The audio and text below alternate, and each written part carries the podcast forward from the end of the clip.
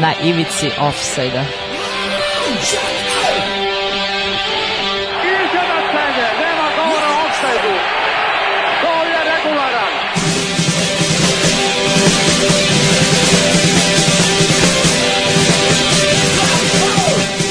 Vi ste se sad čak i setili sveće da donesete i da čestitate futbalerima.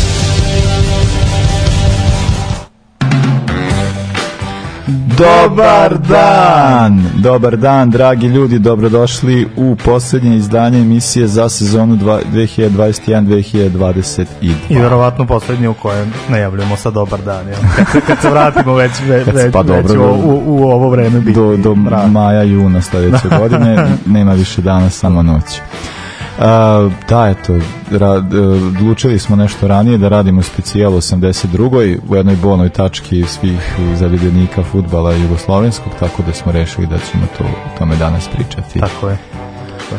Uh, dakle, teme će biti, dakle, učet ćemo o, o kvalifikacijama, pri, o kvalifikacijama jugoslovenske reprezentacije, stvari koje se dešavaju koje nemaju baš veze sa samim utakmicama, pričat ćemo o svetskom prvenstvu, e, imamo i gosta, to je specijalnog sagovornika. Specijalnog sagovornika, tako ne zovemo. Dakle, od, uradili smo intervju sa Predragom Pašićem, tako da ćemo da ćete čuti i Paju danas u našoj emisiji specijalno. E, I za kraj pričamo o Ziku. O Ziku čoveku koji je te 82. Boga mi ono, o, o, ozbiljno, ozbiljno radio Bog futbala. A, stvar, da, pošto smo sada smo u 82. vratili smo se 40 godina ranije, tako da će pesme koje ćemo slušati osim jedne, zbog jednog bitnog uslova kojem ćemo pričati kasnije, sve pesme su iz 82 a najavljujemo da ćete tokom večerasnog slušanja po prvi put, ja mislim na radiju Daško i Mlađa, pa pričam sigurno da jeste, ovaj, prvi put ćemo čuti Azru. O, jedva čekam. da, nisam ni ja neki, ne, neki fan kao, a nije se kao, moglo, kao i, i Daško, ali... Nije se moglo izbeći Azra, tada Dobro, da, dva albuma, 50 pesama u godinu dana, nisam mogao da... Da, zanima me koja je ta jedna koja si odabrao. Da, imam, imam i rezervnu, koja je baš futbolska, a druga baš i nije, ali kao ima veze sa temom. Uh, tako da, eto, pišite nam na 064-233-4040 064-233-4040 a, i eto, uživamo. Prvo za, za početak krećemo sa idolima Kenozoik, a onda e, krećemo može, e, to, to može, može da, odobrava, ti odobrava, odobrava. svaku da. a onda krećemo sa kvalifikacijama. Ne, za, izvinjavamo se, prvo krećemo prvenstvo. prvo sa prvenstvom, pardon, sa prvenstvom ivici offside-a. Uzalud me budiš u pola šest Nema nigde nikog i nemamo kud Od onoga što vidim i ponestaje dah. Ostaje da ostanemo gde smo sad. Čini mi se nešto te oduzimat Glasovi mi govore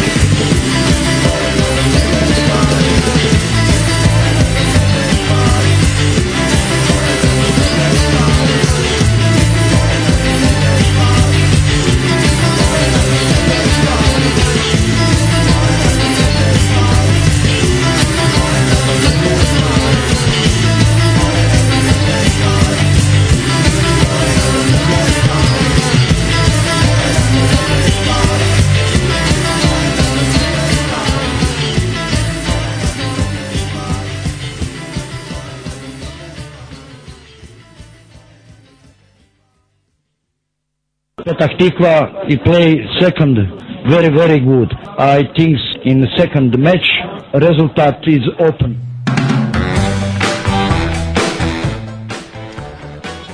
Prvo poruke, poruke, da vidimo šta kaže naš najbolji drug Đoli iz Šapca. Kaže, pozdrav dečaci, to je moje prvo prvenstvo kog se sećam i lepo se odmorite i naravno komentar koji me uh, nasmeo, kaže, moglo je bez azra. Moglo je Damire, slažem se sa Đoletom, ali dobro.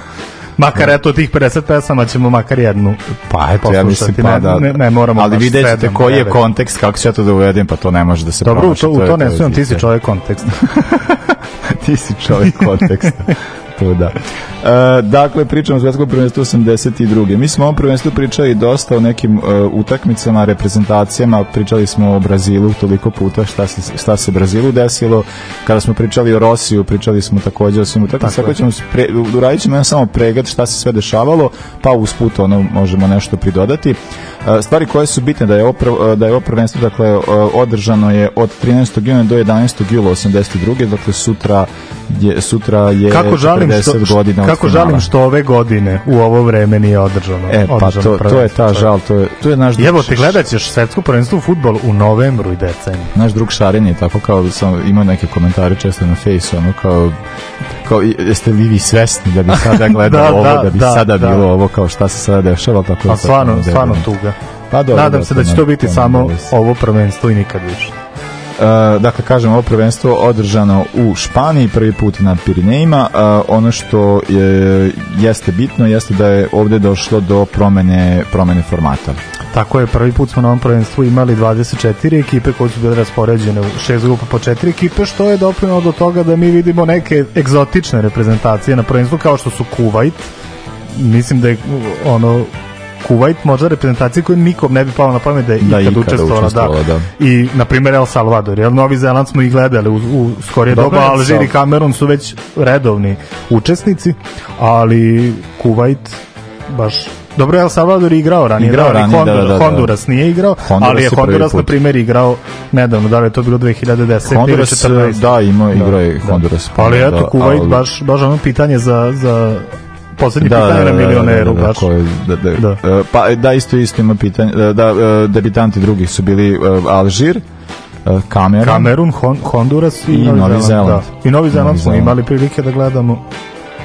Ali eto. E, ono što je e, bitno da je ovo prvo prvenstvo ko, kao jedna stvar koja je nama bitna da prvi put su izvođeni penali dakle to, nije, dakle to je isto stvar koja se dešava po prvi put na ovom prvenstvu i da je desila se najveća pobeda koju ćemo moći da sporimo zato što je kao sad e, mislim pobeda se računa Naša je bila da- ubedljivija jer nismo Ubed- primili gol. Nismo primili gol, ali da, Mađarska se vladara Salvador Tako sa je. 10, e, 10-1.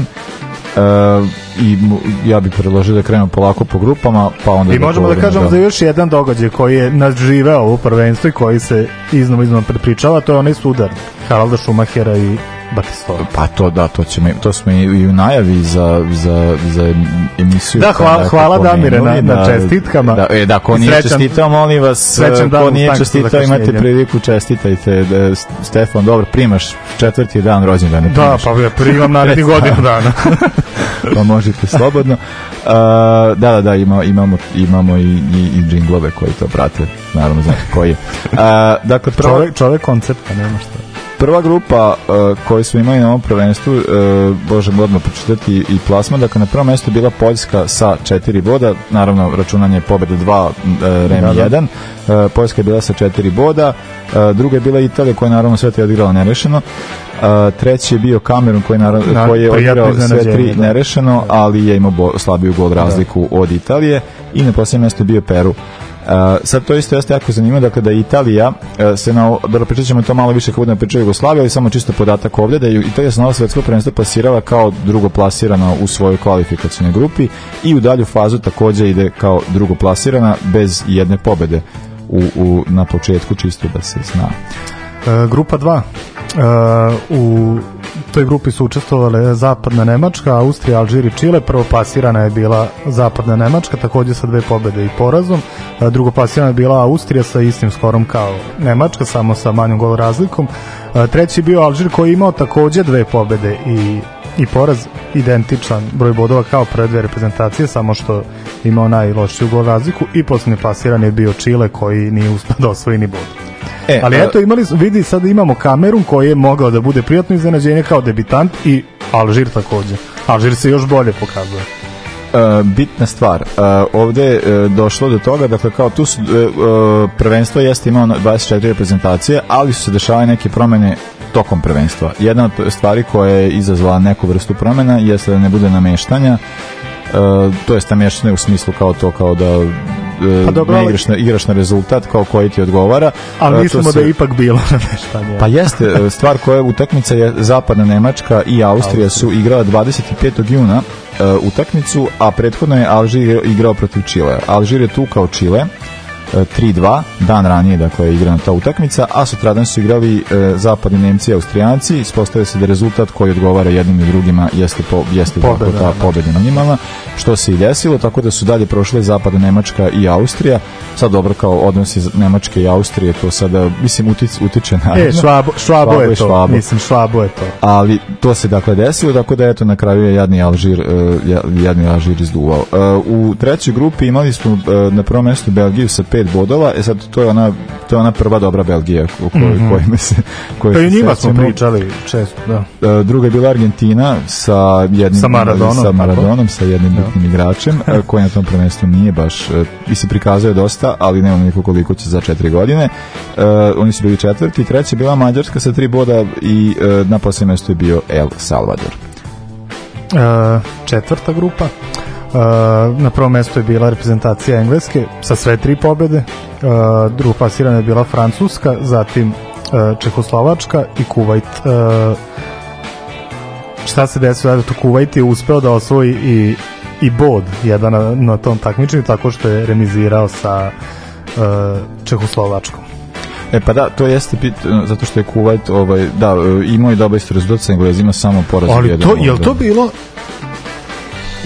ja ne, mo ne mogu da se setim na kojoj utakmici izašao neki, šta je to, princ Kuvajta ili ne znam nija šta, pa je izašao i porazgovarao sa sudijom, pa je sudija da li poništio gol ili nešto. Je to bilo? Ne, ne, to, da, to je, A? ne, ne, to je bila, to smo nešto pričali ranije, kao mislim, to, to nema. Uh, grupa, On, mislim, onda nema veze sa Kuvajtom, to je druga reprezentacija, jel? Uh, sad ne mogu da se setim, da, ali kao znam kad sam gledao da za ovo, možda, ne znam, ako neko zna, Ja mislim- piše, ja ali mislim ja, da da, ja da nisam sad kad sam gledao, sad da nisam, da. sećam se priče, da.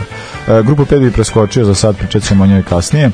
A, uh, grupa 6, uh, na prvom mjestu Brazil, maksimalni učinak 6 bodova, drugi, drugi Sovjetski savez 3, Uh, treća je Škotska sa 3 i Novi Zeland je imao 0 bodova. Uh, opet situacija, ali da duše bio direktan duel, pa nije sad bila ta varijanta da je uh, hendanje nameštanje. Sovjetski savez igrao sa Škotskom posljednjem kolu i bilo je da je Škotima bila potrebna pobeda da bi prošli dalje. Bilo je nerešeno, Škoti su ispali. Ispali, tako je. E sad ide, sad ide jebada, sad ide ona varijanta gde su ovaj e, je krenulo to sad kao hendlanje sa, sa ovim grupama, to je sistem koji, kojem se mi jako protivimo da imaš, e, je uvek postoji neregularno je neregularno je imati ovakav sistem. Zapravo ovaj sistem je e, ja bih rekao da je regularniji od onog od te varijante da kao ide šest grupa po četiri, pa sad kao nešto se kao Pa dobro, to je, da, to je posebno. A, ali ovde je kao, ali opet kada su tri, e, tri reprezentacije u grupi kao što je sada bio ovde slučaj, dakle oni su podeljeni po grupe po tri,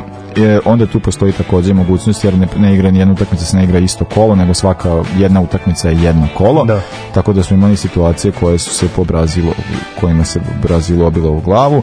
E, dakle, prva grupa e, na prvom mestu je bila Poljska sa tri boda, drugi bio Sovjetski savez sa tri boda i na trećem mestu je bila Belgija koja je nekako delovalo da je podbacila. Ona je odigrala prve dvije utakmice, izgubila od Poljske i mislim da tu manje više manje više se završila. Ma da opet i to je ona Poljska o kojoj smo pričali, ona generacija Poljska o kojoj smo pričali, jedna od najboljih u, Tako u, je u i istoriji. da kažem Bonjak je postigao četiri gola na prvenstvu. Tako je. Z, dakle do ove faze nisu išli dalje. Bonjak je do tad već e, četiri komade dao. E, grupa B, e, ova je bila jako zanimljiva, pa i možemo reći, mislim kad pogledaš ovu grupu i kad pogledaš sledeću grupu, ono naježiš se. Da, baš, baš su jake grupe. Dakle, na prvom mjestu je bila zapadna Nemačka sa tri boda, pobeda i poraz, pobeda protiv, Engle, e, pobeda protiv Španaca, nerešeni rezultat sa Englezima, drugi su bili dakle Englezi sa dva boda i Španci su imali samo jedan bod. Velika žal u našoj reprezentaciji što mi nismo, Nismo bili, bili, na da. ovome u ovom mestu ili možda u grupi D e, ali sada grupa C e, nešto što smo toliko puta pričali o svemu kao šta se sve već desio dakle, možemo, Ja volim svaki put da vidim to. Pa evo reći ćemo, dakle, prvo, prvom kolu Italija tukla Argentinu 2-1. Uh, onda je Brazil tukao Argentinu 3-1. Brazil je bilo dovoljno nerešen rezultat da prođe dalje, ali aj ti sad objac, objasni, Mislim. objasni čoveku, objasni ti da, da, treba da stane. Uh, ne, nerešeno je kao ali mi idemo i dalje i onda Paolo Rossi odradi posao i, i, i Tog 5. dovede- jula 82. i Italija zapravo beleži prve dve pobede na prvenstvu da. u ovoj grupi. I grupa D, e, takođe najdosadnije od jedna od da. grupa koju smo mi mogli završiti, tako da je e, Francuska na prvom mestu, naravno dve lagane pobede, e, pobeda protiv, doduše protiv Austrije je bilo malo nategnuto, ali sa Severnim Irskom već je bilo sve Lagano, rešeno, da, da. četiri boda i Austrija i Severna Irska su između sebe remizirale. E, ps- e, dakle posle nakon toga sledi e, nakon toga sledi polufinale prvo polufinale igrali su Poljska i Italija i Rossi je već ušao u fazon. Da, pa Ro- Ros je protiv Brazila krenuo sa raspucavanjem, onda je samo protiv, Onda, protiv da, Poljaka je nastavio. nastavio, tako da, dva, sa dva gola Rosija e, i to je baš, e, to sam tako gledao priče kao u ovoj utakmici koliko je zapravo bilo, nije to baš bilo tako. Poljaci su dosta Pa ja verujem da imali su ono bila je velika šteta zato što je delovalo da da može postojati neka vrsta ali mislim da je to kao ta varijanta Italijani su već uleteli u hype baš su Da. krenuli jako i onda nisu mnogo, mnogo šanse Pa vidi, kad na takav način prođeš grupu, znaš da je svaki novi dan na prvenstvu bonus. moraš, moraš da, da uletiš u hype. Uh, drugo polufinale odigrano između zapad Nemačke i Francuske bilo je dosta zanimljivije nego, nego ovo prvo. Prvo su Nemci poveli, pa Francuzi izjednačili, pa je to otišlo u produžetke. Uh, zatim su Francuzi vodili 3-1 do 102. minuta, onda je Rumenige smanjio, a Fischer izjednačio, tako da je utakmica završena 11 tercima. Uh, po prvi put Po prvi put na svetskim prvenstvima, tako su da. utakmice su, su korišćeni 11 terci i ono što je bitno jeste da dakle to je ta utakmica na kojoj se desio onaj, onaj Uh, sudar Šu, Šumahera i Batistona, da. Uh, tako da da, eto, uh, uh, to je, mislim, to je, još je tuga, on je čovek ušao u igru i onda mu se to desilo, znači, to je baš ono žešća tuga. Uh, neko preleće preko kon- nas. Konstantno nas Trenutno ima, ima neki tu festival, nešto na tvrđavi, nešto Da, izlaz, festival nešto izlaz. Izla, izlaze Da, tamo, da. ovo, dolaze ljudi, svašta sve. Dobro. E, za treće mesto na današnji dan, pre 40 godina, odigrano je utakmica za treće mesto između Poljske i Francuske. Gde se vidi koliko u stvari Poljska bila kvalitetna reprezentacija, jel? i pa mislim i bila je baš ona utakmica da da je u tih ne znam to je nekih 7 minuta Poljska je rešila utakmicu i to 7 minuta dakle kao prvo i drugo poluvreme dakle e, Kraj prvog i početak drugog, da. poveli golom Žirara a onda su Poljaci preko e, Šamaka Majevskog i Kupcevića e, uspeli da preokrenu povedu 3-1 Francuzi su do kraja samo Da, dali jedan samo gol smanjio i... ali na tome je ostalo, tako dovoljno. da je Poljska napravila jedan jako bitan rezultat i zapravo kao ove jedna od generacije Poljske koja se pamti kao jedna od najjačih Tako je. koji mislim naj, najbolji rezultata koje ova reprezentacija kad je ostvarila i onda kao i od tada zapravo Poljska je ta reprezentacija koja je kada se priča dobro Poljska, a ja bi tu možda ubacio i, i Francuze kao koje su to najjače reprezentacije u tom trenutku? Četiri koje su išle, pričat će nam to posle Paja. Uh, on ima svoju ideju koje su to četiri, mislim kao i generalno koje da je uh, ovde fali Brazila, fali još jedna, još jedna reprezentacija. I dolazimo do finala o kojem smo toliko puta pričali, ali nije zgoreg još jednom i reći. Stefan izvoli, zato što tvoj heroj ovo finale Santiago Bernabeu, 90.000 ljudi, a sudija je Brazilac. Dosta zanimljiva odluka da Brazilac sudi Italijanima u, u finalu ovog svetskog prvenstva. E, međutim, Paolo Rossi je na krilima prethod, prethodnih e, utakmica načeo Nemce, e, zatim je Tarderi povisio na 2-0, Altobelli na 3-0 i Nemci su uspeli samo preko Breitnera da e, da uplaže ovaj poraz, tako da je Italija postala svetski prvak 3-1 na kraju. E, I samo reći to, dakle da je Italija postala svetski prvak, Rossi je bio najbo, naravno najbolji Da, strelac najbolji strelac sa šest sa golova šest ukupno. Golova. ja, da, e, on je postao najbolji strelac sa šest golova, recimo samo eto kao da pomenemo ko je tu još e, Rumenige dao pet. Odmah ti ta imena. E, pomenuli smo već Bonjeka sa četiri, Ziko, Ali takođe, Ziko četiri, Ziko je da. takođe dao četiri, a dobro pričat ćemo Jugoslovenima koliko, su, koliko je koji davao, nego eto bitna je stavka da je Falcao dao tri gola Falcao, da. i Falcao je zapravo kada se biralo za zlatnu loptu, Rossi je naravno poneo zlatnu loptu, Falcao je bio drugi igrač srebrne lopte prvenstva, zato što kao, on je isto jedan od igrača koji je stvarno odigrao uh, prvenstvo svog života, ali nažalost Rano je završio. nažalost nije, nije, se, nije se moglo više, tako da ta, ima, postoje te dve žali, postoji ta jedna istorijska futbolska lepota i sve ostalo, to je zašto Brazil nije uradio više, a žal koji, o, koja nekako ostaje, ne znam, nemam pojma, to je neka tuga koja je uvek tako večna i ne možeš, ono, mislim, kao generalno kad pričam sa svojim čaletom u tom, tim utakmicama, to je uvek ono, da smo tad kao i Znaš šta je dobro? To je opet ono što je simptomatično. Tamo evo da, da napravimo uvod za sledeći uh, blok. Uh, taj odnos to jest uh, razlika u igrama naših reprezentacija od Jugoslavije pa do Srbije u kvalifikacijama za neko veliko takmičenje i na velikom takmičenju. Tako da ćemo u sledećem bloku čuti Tako zbog je. čega su se Zbog uopšte ljudi tada nadali, nadali uspehu na prvenstvu. E, slušamo kratku paju, a onda e, malo Novog Sada, čisto u inatonima gore, e, e, laboratorije zvuka i zaboravljene drage. Yeah. Ja se zovem Marko Van Basten, kusto sam galerije Leonardo u Sarajevu.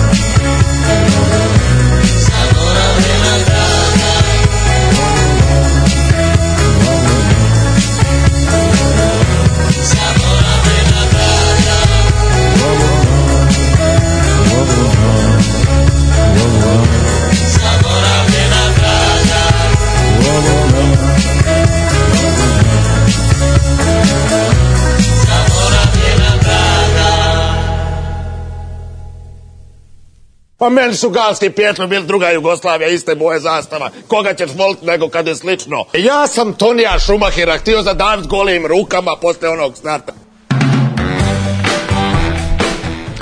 E da, Stefan je sa nama malo, sada sa nama samo, ovaj, ali može sad će sa vama, ovaj, podelio malo svog, eh, dakle, Stefan ima samo nekoliko ploča u svoj, ja ne, ja, ja i to što imam i kao da nemam, ali jedna od ploča u kolekciji Jedna od ploče je telo laboratorija zvuka. Da, imam cele četiri ploče, imam uh, Čolu, imam nove fosile, prvi album, imam neki pop dance mix iz 80-ih i imam laboratoriju zvuka. E, nego, dođe sam mi sad do teme koja nas sad zanima, dakle, je li e, svetsko prvenstvo 82. kvalifikacije. E, naravno, nas samo za, zanima ono što se desilo sa reprezentacijom Jugoslavije, e, tako da već smo to pomenuli, da je Jugoslavija na tom prvenstvu bila e, u grupi sa prvakom sveta, je li? Tako je, da. I završila je ispred prvaka sveta. Generalno, uh, Jugoslavija te kvalifikacije dosta dobro odradila. To mene podsjeća, tačno ovo 82. mene podsjeća na 2010. gdje smo mi bili ispred Francuza u kvalifikacijama za svetsko, onda smo otišli na svetsko i baš smo podbacili za dlaku, baš poput, baš poput ove reprezentacije Jugoslavija je tada imala uh, od osam odigranih susreta imali su šest pobjeda, jedine dve utakmice, to jest jedina reprezentacija koju u dva navrata nisu uspeli da savladaju je upravo Italija. U Torinu je bilo 2-0 za Italijane, u Beogradu 1-1. E, sa Beogradom gde je bilo 1-1. E, stvar je u tome da je to, to smo pričali, to će pričati pa i posle, ali tu se to je bila jedna od tih situacija da je ono kao on mislio da može sebi zacementirati mesto. E, pošto je Pašić igrao e, dosta utakmice u toku kvalifikacije, on je kao i bilo je sad, to ćemo pričati, pričat ćemo o tome kao kako je trebalo to da izgleda, šta je, koja je trebalo da bude njegova uloga, ko je trebao da igra, na, ko je trebao da ide na kamača a uh, uh, da, bila je zanimljiva to- zato što kao kad se gleda to je, to, to je on jednom trenutku rekao, a isto kao to je, postoji neka priča da je kao Jugoslavija tada bila na mislim to sad kao govore ovi, ne znam, da je Jugoslavija bila prva na rang listi. Da, ja, a ja sam Ali, to ali to tad nije- prvi put Mislim, FIFA rang lista da. postoji od 90. godina, znači nije postojala ranije rang lista, ali postojale su neke te Ko je to kao neka rač- računanja da pa kao sada i kao ne postoje neki podaci upikljivi koji, na osnovu kojih može da se kaže kao da je Jugoslavija tada bila kao po tom nekom rangiranju, bila zapravo kao, re- mislim, one to, e, to što jeste e, Jugoslavija je išla na to prvenstvo kao jedan od favorita. Da. To, je, to je jeste tačno. E sad, ovde sad postoje neke stvari koje su sad kao kasnije dešavale kao ne, nije bila prva na rang listi jer FIFA rang lista nije tada ni postojala. A, čak i ni u kvalifikacijama ovim koje su, koje su o, bile za, za svetsko prvenstvo nije imao najbolji učinak. Nemačka je sve utakmice dobila u svojoj grupi i još Sovjetski savez mislim da ima bolji učinak od jugoslovenske reprezentacije, ali Jugoslavija je dobila sve svoje rivale u grupi, a sa Italijanima je bilo nerešeno i poraz poraz u Italiji. E, tako da kažemo ko je bio u toj grupi, to su dakle bile Jugoslavija, Italija, Danska, Grčka i Luksemburg. A e, što se tiče sam, e, samih rezultata na, naše reprezentacije, možemo preći preko njih. Dakle, Jugoslavija je svoje kvalifikacije započela upravo u Luksemburgu, koji je dobila laganica 5-0 tako da tu, tu nije, nije, nije bilo frke, a onda je posle pobedila pobedila je prvo Dansku nakon preokreta. Da. tako je, e, pobedila Dansku nakon prevratu 2-1 E, sledeća utakmica je bila protiv Italije, to je taj poraz, e, jedini poraz u kvalifikacijama 2-0, ali brate kad ti da konti gol, onda ti nije ni žao. E, što se tiče daljih utakmica, e, Jugoslavija tukla je Grčku 5-1 i to je bila jedna od tih utakmica koja je pokazala koliko reprezentacija zapravo koji je Da, taj baš pun, pun, put potencijal reprezentacije da su kao baš, e, baš e, pokidali Uh, ja sad ovde e, samo da kažemo dakle da je e, Dragan Pantelić koji je bio dakle golman reprezentacije ovde na ovoj utakmici postigao svoj drugi gol dakle U prvi gol kvalifikacijama, da. prvo je postigao protiv Danske Da. a onda je postigao i protiv Grčke dakle Pantelić je on bio ozbiljan izvođač Avangarda, avangarda. Uh, pobeda protiv uh, je sle, usledila pobeda protiv Danske 1981. u gostima, dakle 2-1 i onda ide ta čuvena utakmica u Beogradu koja je zapravo bila ono uh, pa ne znam, to je baš bilo kao to je sad kao odmeravanje i sad za, da je, to je, tome je Pašić pričao, ali kao i bila je ta sad situacija, znači rezultat je taj taj, kao to je takav rival i kao Pašić ima zicer protiv Zofa i on je kao kaže ne znam sa 5 metara ja tako kao šutiram i ono kao ne možeš ga, ne možeš. I onda kao to je to naš kao Zof ti skine loptu i, i ne vredi. Uh, tako da je to ostala je velika žal zato što je to kao jedna od tih utakmica koja je Jugoslavija mora, mogla baš da pokaže uh, Pa ne, kao da za, za, za, ja mislim da je to na nivou samopouzdanja bi to dosta značilo pobediti tako kao jednog jakog, jer mi, mi to često pričamo, to je sad kao i nakon toga reprezentacija, sad kao jer pričamo o reprezentacijama naslednicama, hrvatska reprezentacija često ima pobed, pa eto i Makedonija. I Makedonija. A, ali reprezentacija Srbije recimo ima baš dosta problema u tim kvalifikacijama da pobedi te neke e, jače reprezentacije. E, Pa da, evo ovo što smo imali sa Portugalom, da, Portugala. da. To je, ja, e, a i kao, ba da, ne To, znam, to je baš bilo za, za, za potpunu neverit. pričao sam ne, sa našim drugarem Bobićem, smo tako kao pričali kao ko, koliko je tu reprezentacija šta god osvojilo, kao reprezentacija e, sad Srbije, ali kao u kvalifikacijama ne može da pobedi ni jednog od osvajača svetskih prvenstva. A to je, mislim, kao to je nama merilo ko su te Da, da, velike i koje su to ono kao tako da se to e, ni, to se ne dešava uporno na svetskim prvenstvima da desi se ali kada je kao u toj nekoj kvalifikacijnoj borbi to se sad redko dešava i sad je jedna meni bitna utakmica, a je bitna i za naše goste, o tome smo i pričali kasnije. Uh, dakle, Jugoslavija igra 21. novembra 81. godine utakmicu protiv Luksemburga, uh, protiv Luksemburga Protiv u Novom Sadu. I to je bila uh, jedna onako lagana pobeda od 5-0. Hali Hodžić je krenuo, uh, mislim krenuli su... Krenuo sa centra. Kre, krenuli su do, dosta ka, to je bilo tek ovaj 45 minuta tako da nije, ali bila su još četiri komada kasnije. Ne, E, Hali Hodžić je u prvom minutu već dao gol. E, Hali Hodžić je krenuo prvo minutu, ali kao ubedljivost je krenuo tek Da, od da, da. 45. minuta kada je postignut drugi gol. Hali Hodžić se kasnije zamenjen, umjesto njega ulazi Pašić i ubrzo daje svoj Postiže gol. gol, da. A ono što je bitno da je prvi gol za reprezentaciju Socijalističke, federativne republike Jugoslavije Predrag Pašić postigao u, U Novom Sadu. Tako da uh, je ovaj da to je to kao jedna od stvari o kojima smo eto malo i pričali.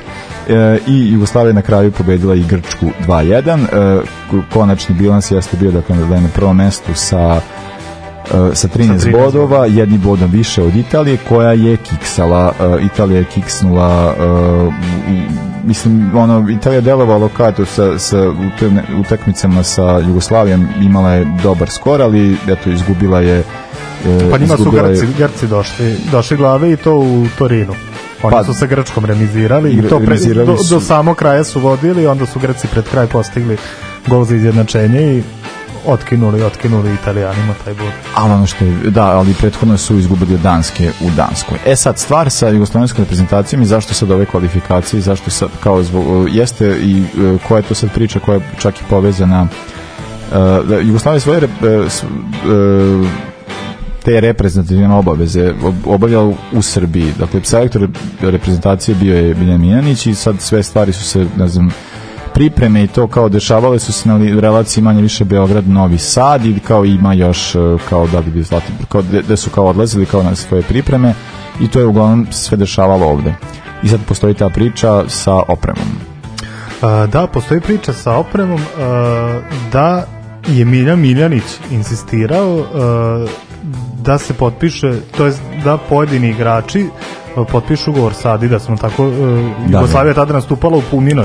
u puninoj opremi i onda je bila priča da će svaki igrač koji pristane na to da nosi uh, Adidasove kopačke dobiti 15.000 maraka, a da će on za taj posao, tako da kažem kao posrednik dobiti 200.000 maraka. E, ne znam, ne znam da li ima neko ko može da nam da nam kaže, e da, ja sam bio, Pa ja, sam bio ne- svedok toga. Gledao sam sad skoro emisiju gde su pričali uh, Gudalj i Pižon u celoj toj situaciji i onda je uh, da, Gudalj rekao da, da taj sad, to je bio sastanak, oni su u Novom Sadu imali isto takođe Znači, to, deo se, to se tu desilo. desilo se u Novom Sadu i desilo se uh, u, u hotelu Novosadskom i sada uh, da, hotel jebi ga uvek ih mešam, ali da, on je putnik Aha. a u hotelu putnik je bio taj čuveni sastanak tako da je ono kao da je, da je ta sad si- situacija sa kopačkama je baš ono ovaj, malo je uzdrmalo A, a stvar koja je takođe bila problem je, jeste da su da je postojala ta neka vrsta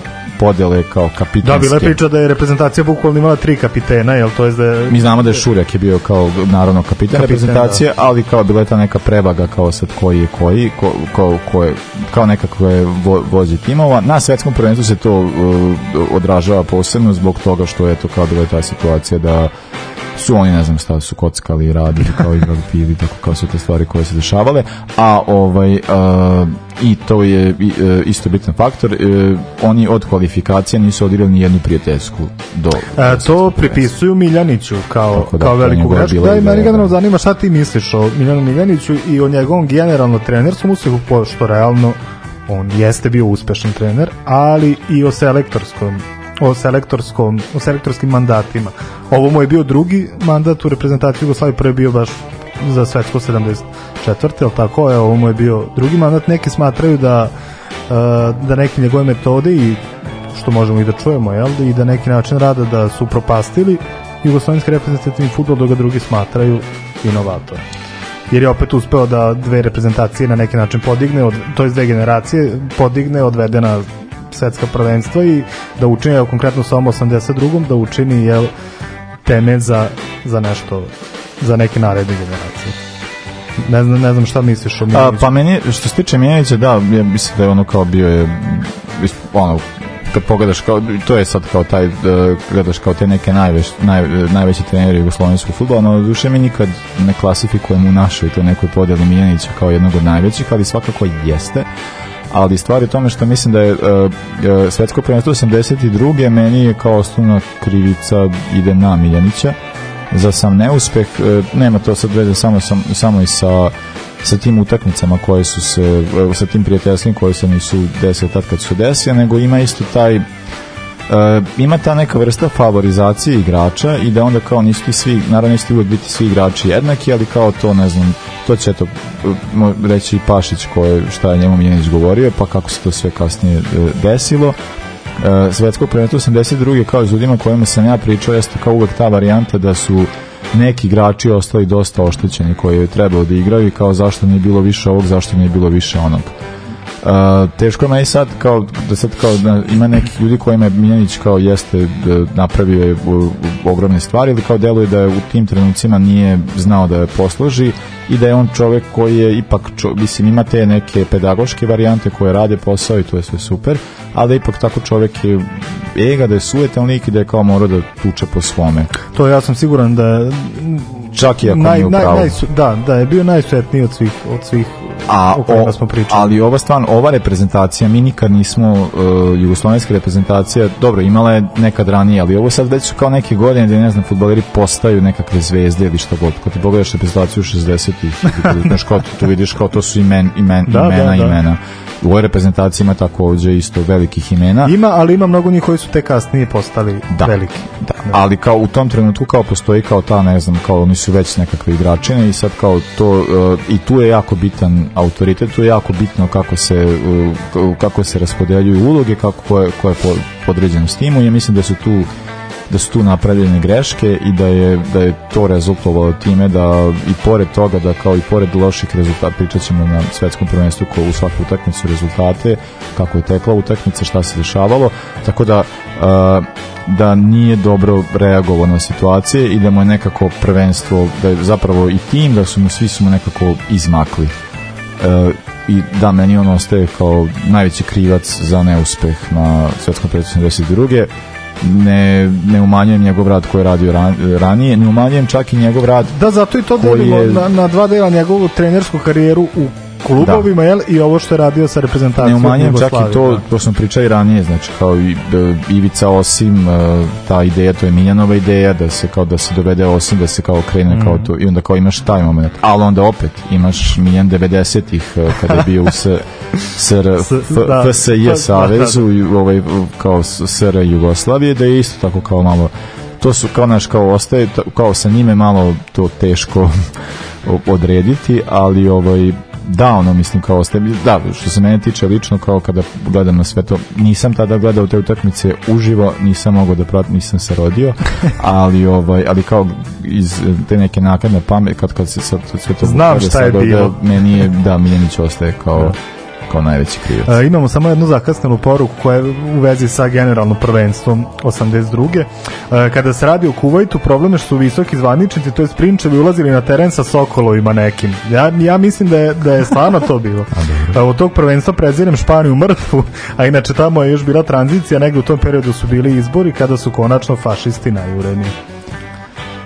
E, to je Đole. Đole, naravno. Uh, do, uh, dobro, ja sad sad kao raz, da, ostavit ću ovo za o- ovu, da, uh, sada ćemo poslušati električni orgazman i žuto, Dobro, a još onda će- Azra. a onda će posle Azra, kad ćemo proći kroz utakmice, pa ćemo posle sa Pajom.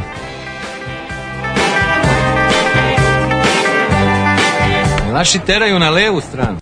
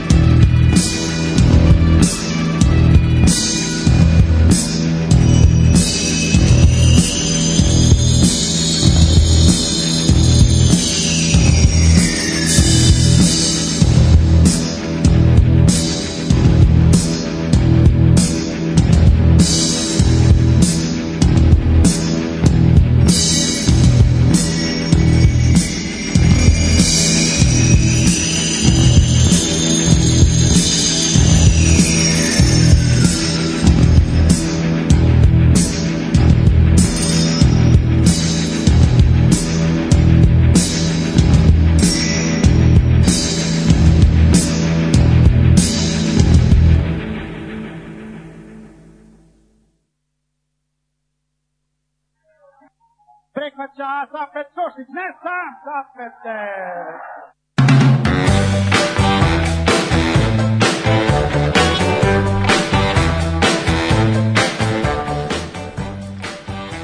E da, ovaj, ne znam, ali ti imaš, da, imamo poruku, o, Uh, nemam. pa da, ja imam, da, e, Sajo je rekao, da, Sajo iz Sarajeva, kao da, ono, kao trebalo je više Pašića i Šestića. To je, mislim da i to je baš neka... Sam, ba, baš sam hteo da gledam ovu utakmicu Jugoslavia Severna Irska. Uh, pitanje koje se najviše postavlja u vezi s ovom utakmicom je zašto Šestić nije igrao od početka.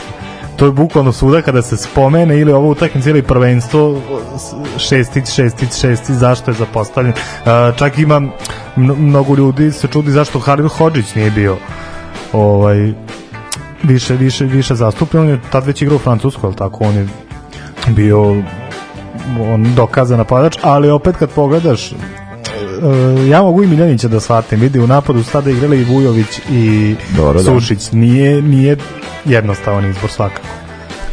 Pa, uh, dobro da. Ali čak čini mi se da je, da je Šestić tada da je bio jedan od da je bio u životnoj formi, da je bio jedan od najboljih igrača reprezentacije u tom periodu.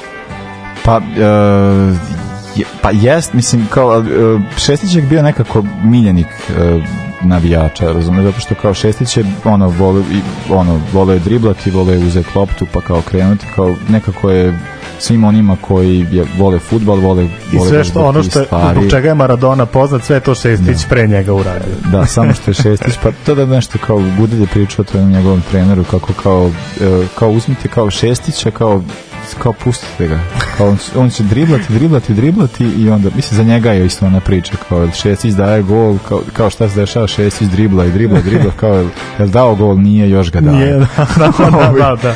Ali da, ovo, da, da, pa, što se tiče nas, mi smo krenuli prvu utakmicu, bila 17. juna, uh, igrala se u Saragosi, Uh, i igra, dakle, igrali smo protiv Severne Irske. Sad, uh, na golu Severne Irske da smo pominjali Peta Pe, Jenningsa, da, nedavno smo mu slavili rođendan. Tako da, ovaj, uh, vi se stvarno, da, ozbiljan golman. Uh, ali sa naše strane, dakle, kao imali smo sad tu ekipu koja je, uh, možemo početi i sastav, to su dakle bili Pantović, Jovanović, uh, Hrstić, Gudelj, Zajec, Stojković, Petrović, Šljivo, Šurjak, Sušić i Vujović zamena na ovoj utakmici nije ni bilo. Nije, da. A, što jeste jako čudno. Dosta čudna odluka, e, da. I to su ti te, e, tako reći, greške e, koje se dešavaju sa, sa, sa selektorskog mesta, zato što kao zbog čega e, on e, nije ništa menjao. I e, ja sad znam tako kad sam e, kao da je to bila takva utakmica, ovi sad kao ubijaju se napadaju, ovi se brane i tu tako kao i ne postoji, nema rezultata, ništa se ne dešava. E, izmene tada nisu baš e, imao je takvu funkciju kakvu imaju danas. Znaš, danas je isto kao to vidiš nešto ne funkcioniš, sad ih eto ima i po pet, pa kao Da, ti konstantno da. možeš da praviš neke tumbacije. Utakmica kad se priprema zamišlja se ko će otprilike šta da radi i onda kao posle kad neko uleti to je zbog neke preke potrebe. Tako da eto kao to se sad desila ta situacija da Jugoslavija e, i nije e, napravila neku izmenu, tako da je krenulo prvenstvo poprilično poprilično slabo. E, možda je tome dopremo i to što je Španija e, e, prvu utakmicu igrala sa Hondurasom i odigrala je nerešeno 1-1, to je bilo dan ranije. A sledeća utakmica koja ste igrala za tri dana koju su je igrali Jugoslavija je bila upravo protiv Španije.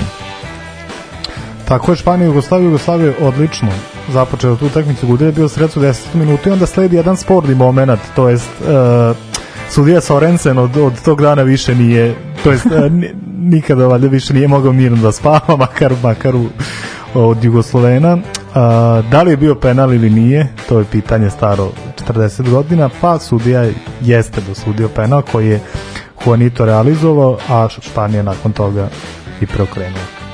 Ali to je, pričali smo Austrija, Nemačka, jelo, na, o nameštanju utakmica, a na kraju je ova grupa, u stvari, grupa, generalno što, što se tiče tog prvenstva, grupa o kojoj se najviše pričalo o nameštanjima. Pa da, zato što je, e, imat ćemo da u trećem kolu da klijemo Pa tre, situaciju. treće kolo da. pogotovo, da. A, e, da, ovde je sad e, e, dakle Jugoslavia je povela golom Gudelja, a onda je došlo do i to vrlo ranim golom i to je ta varijanta, to je isto kao ti jednih onih uh, priče u jugoslovenskom fudbalu, kao mi tako udarimo, damo gol i onda stanemo.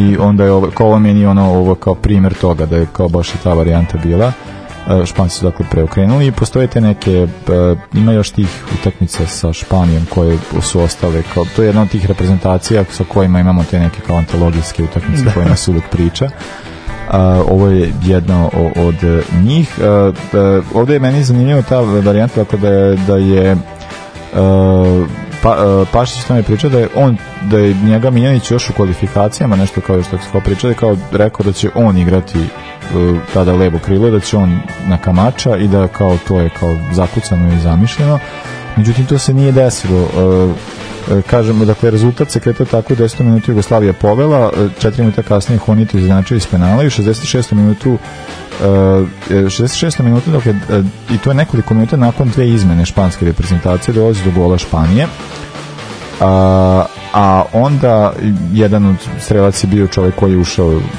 sa klupe, to je bio Saura a, a uh, zatim dolazi do izmene u reprezentaciji uh, Jugoslavije, gde uh, tek tada eto ulazi prvo ulazi Halihođić u 74. minutu kome je čudno što uopšte da, ovaj, gde, je, gde je i bio a, a onda ulazi i Šestić umesto Vujovića. Ali zaista prekasno, zaista. Da, to je Mislim, čekati 83. minut da uvede Šestića je preterano. Tako da ostaje, ostaje kao jedna velika žal što se tiče ove utakmice, tako da uopšte Jugoslavija dakle, je ovde manje više, e, mislim, bila je ono situacija da, e, e, samo ćemo reći, dakle, da je rezultat druge utakmice Honduras Iska je bio 1-1, tako da smo došli u situaciju da Španija dakle, ima pobedu i nerešenu, Jugoslavija ima i samo jedan bod, a Honduras e, i Severna Irska u tom trenutku imaju dva boda. I situacija koja jeste takva da je Honduras prvo igrao sa Jugoslavijom, a, 24. juna, a da je Španija posle igrala sa Severnom Irskom. E sad, to je, to je sad ta situacija, dakle, dakle da Jugoslavija jeste I opet se propisno namučila sa, sa protivnik i to sa Hondurasom Pa da, to sad kao da, da i onda znam da je Mećale meni govorio, dakle Jugoslavia je pobedila Honduras uh, golom uh, i to, mislim, namučio se pravo golom Pižona tak iz penala pred kraj meča. Ali mislim da je nad Šestićem skrivljen penal, jel? E, da, da, da, Šestić je kasnije ušao. Uh, dakle, sastav Jugoslavije toj utakmici bio Pantović, Jovanović, Stojković, Gudelj, Zajec, Krmpotić, Petrović, Šljivo, Šurijak, Sušić i Vujović. Uh, Zašto je Šljivo imao tolike Miljanićeve simpatije?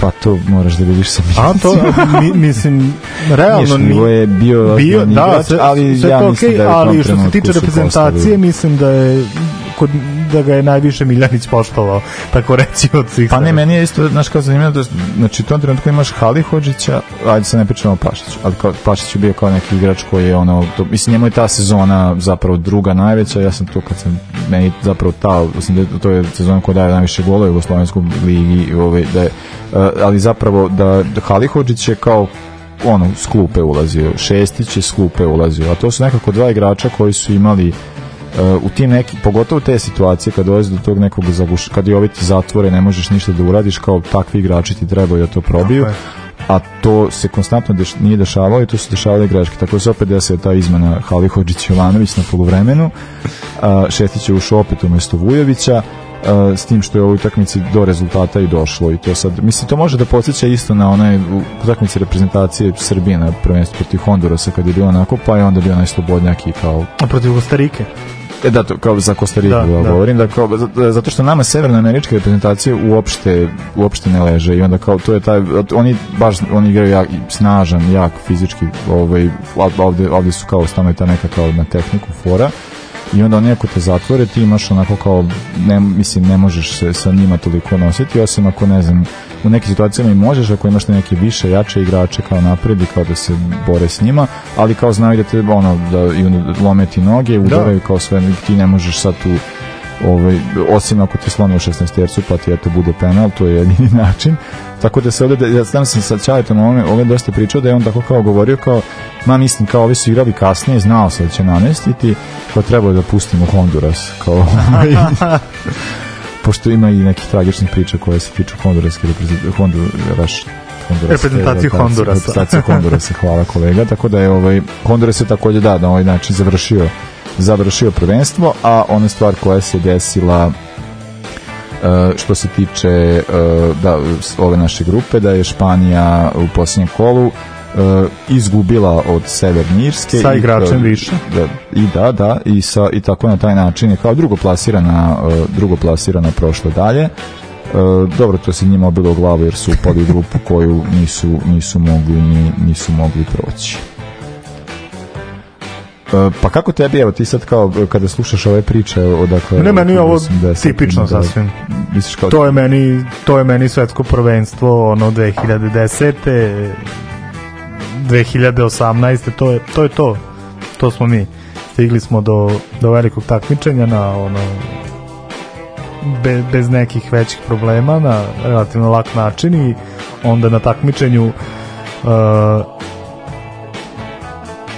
na, imaš super ekipu, svaki put, svako prvenstvo, tek posle ti vidiš šta tu nije bilo super, ali generalno imaš super ekipu, imaš momentum, to je hype i imaš uh, dokaz jel, iz kvalifikacija da možeš da se nosiš sa nekim pa uslovno rečeno jačim ekipama i onda ti se na prvenstvu desi Severna Irska ili ti se desi Australija ili ti se desi Gana ili Švajcarska ili bilo šta tome slično. Ja mislim da to je tipična priča.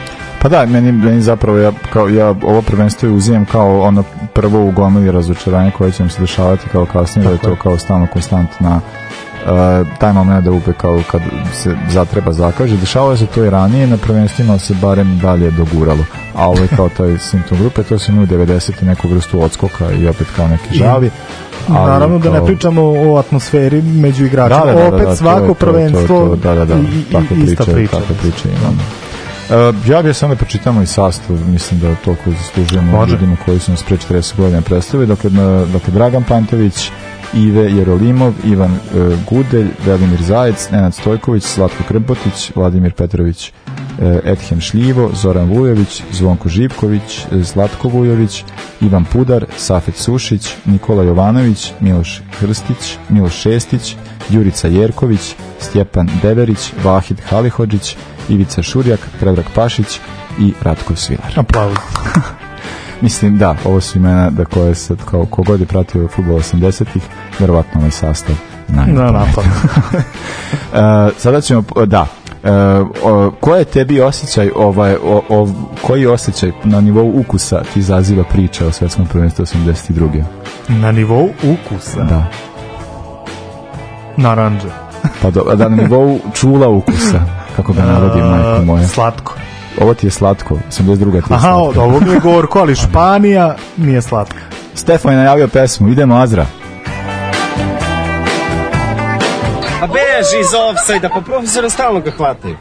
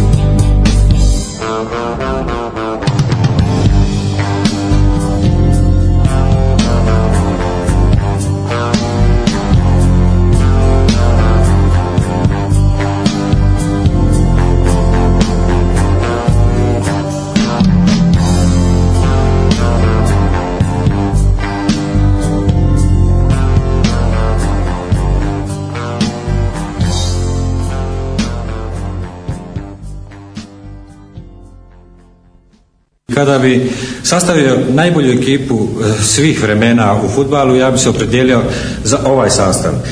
Picasso, Rembrandt, Caravaggio, Chagall, Dali, Velasquez, Goya, Da Vinci, Van Gogh, Bonarotti i Pašić.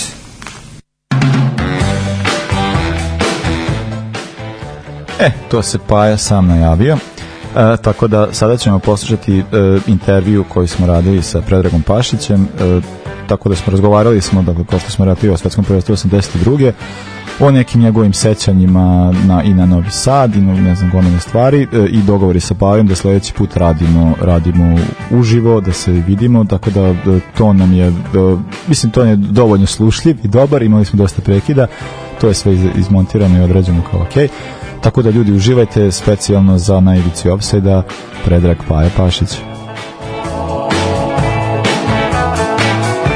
što nas zanima jeste kakva su vaša sećanja na to prvenstvo, šta za vas znači svetsko prvenstvo 82. u Španiji, šta, koje su to prve, prva sećanja na to i koji su to prvi osjećaji koje imate, pošto znamo da, da, je, da ste bili dosta veliki kritičar onoga što se dešavalo tada, a i generalno i kasnije u samoj reprezentaciji. Pa u mojoj uh, to je bio jedan od, ovaj, od težih mojih trenutaka u mojoj sportskoj karijeri kad pričamo samo o sportu i sportskoj karijeri jer ta kompletna priča oko tog svjetskog prvenstva i sve ono što je direktno i vezano i za mene je na neki način ostavilo neku vrstu traume. Ja sam bio mlad igrač 24 godine i naravno moj najveći san je bio da igram na svjetskom prvenstvu nažalost nisam igrao, a ovaj, u, u, sve okolnosti i sve ono što se dešavalo oko reprezentacije su napravili jedan, ovaj, jednu atmosferu koja je ono, unikatna u svijetu sporta kad su u pitanju sportska oprema i problemi oko sportske opreme ovaj, a, i, tako da smo mi bili na, ovaj, bili prinuđeni da razmišljamo o nekim drugim stvarima, a ne o samom svjetskom prvenstvu, iako smo bili najbolje plasirana evropska reprezentacija, jer smo odigrali fantastično kvalifikacije.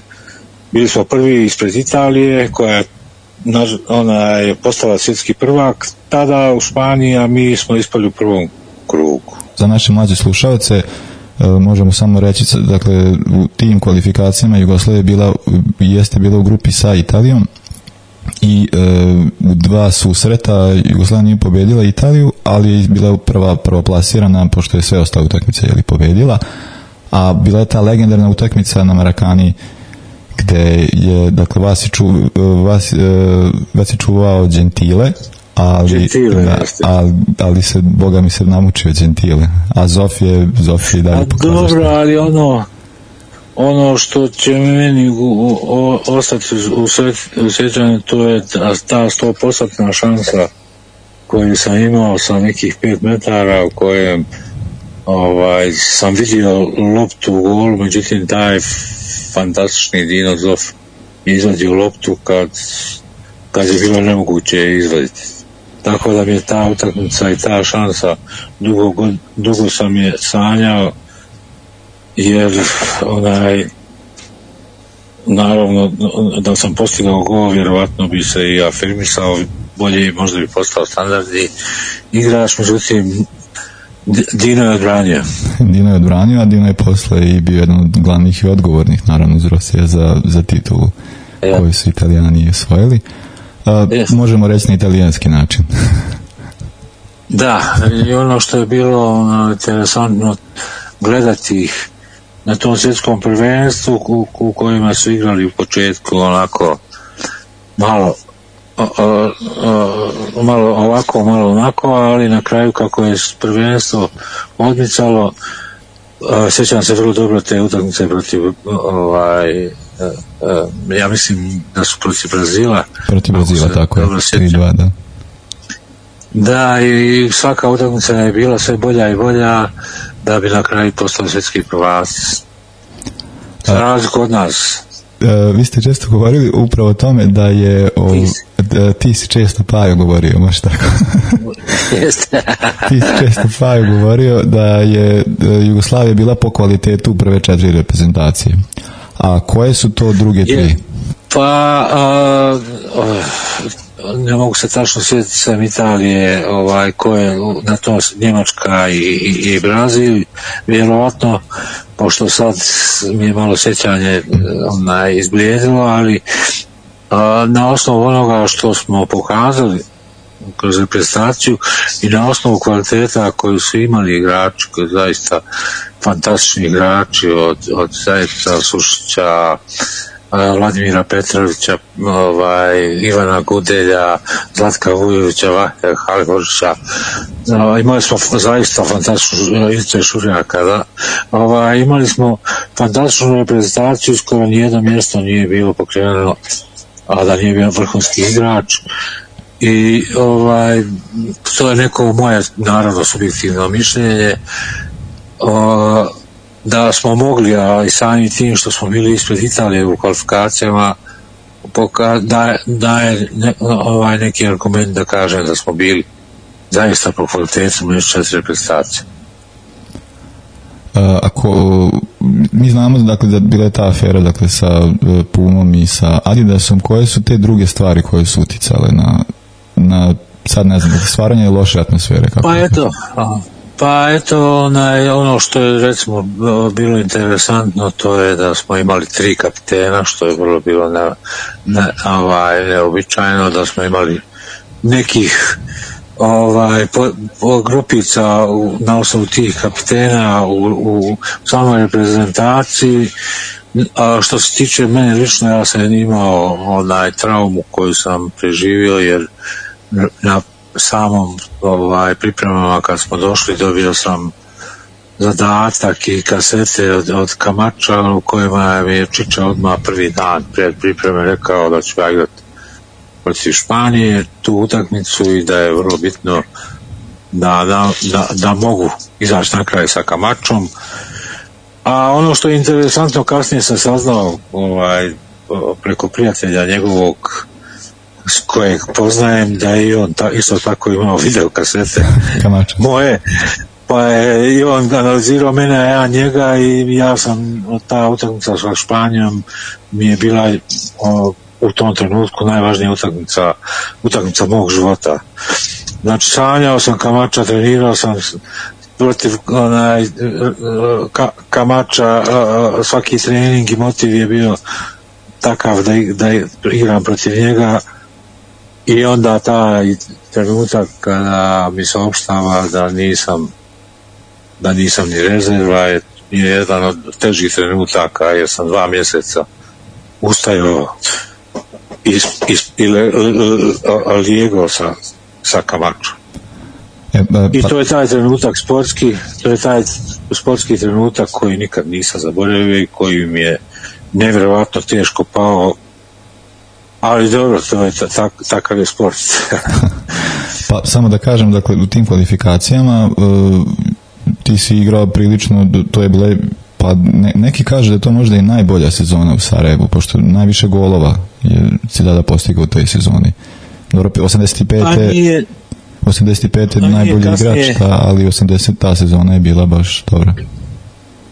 Pa dobro, onaj mislim da sam bio u formi, ali ipak je ova šampionska titula i igra proglašen sam za najboljeg igrača a, a, a, lige i onaj, postigao sam i, i dosta golova, a namjestio isto jako puno Semić, tako da je faktički ta šampionska a, godina bila o, o, o, jako dobra što se tiče i najbolja što se tiče mene. Dakle, to su dvije te sezone koje su bile zaista za mene zapamćene. Pa šteta je što se tada nisu računale asistencije, pošto bi ovu st- statistiku koja je već prilično e, zavidna mogli do, dopuniti tim asistencijama, pošto eto, rekao sad za Musemića, znamo i ono za Klinsmana, dakle bilo je tu stvarno ne, ne, neverovatnih igrača centarfora s kojima si sarađivao, imao neko koji je, koji ti je omiljeni? Pa dobro, ja nisam, na, na, na, nažalost, imao sreće o, o, u samoj karijeri, mislim da sam mogao puno više postići, ne, jednim dijelom s mojom krivicom, a drugim dijelom a, subjektivnim okolnostima koje su bile vezane i za reprezentaciju i za izbor. Dakle, ja sam od 12. godine počeo da igram za reprezentaciju Jugoslavije, bio jedan od najboljih igrača, proglašen najbolje krilo, međutim uvijek je bio neko koji je trebao, koji je bio važniji od mene.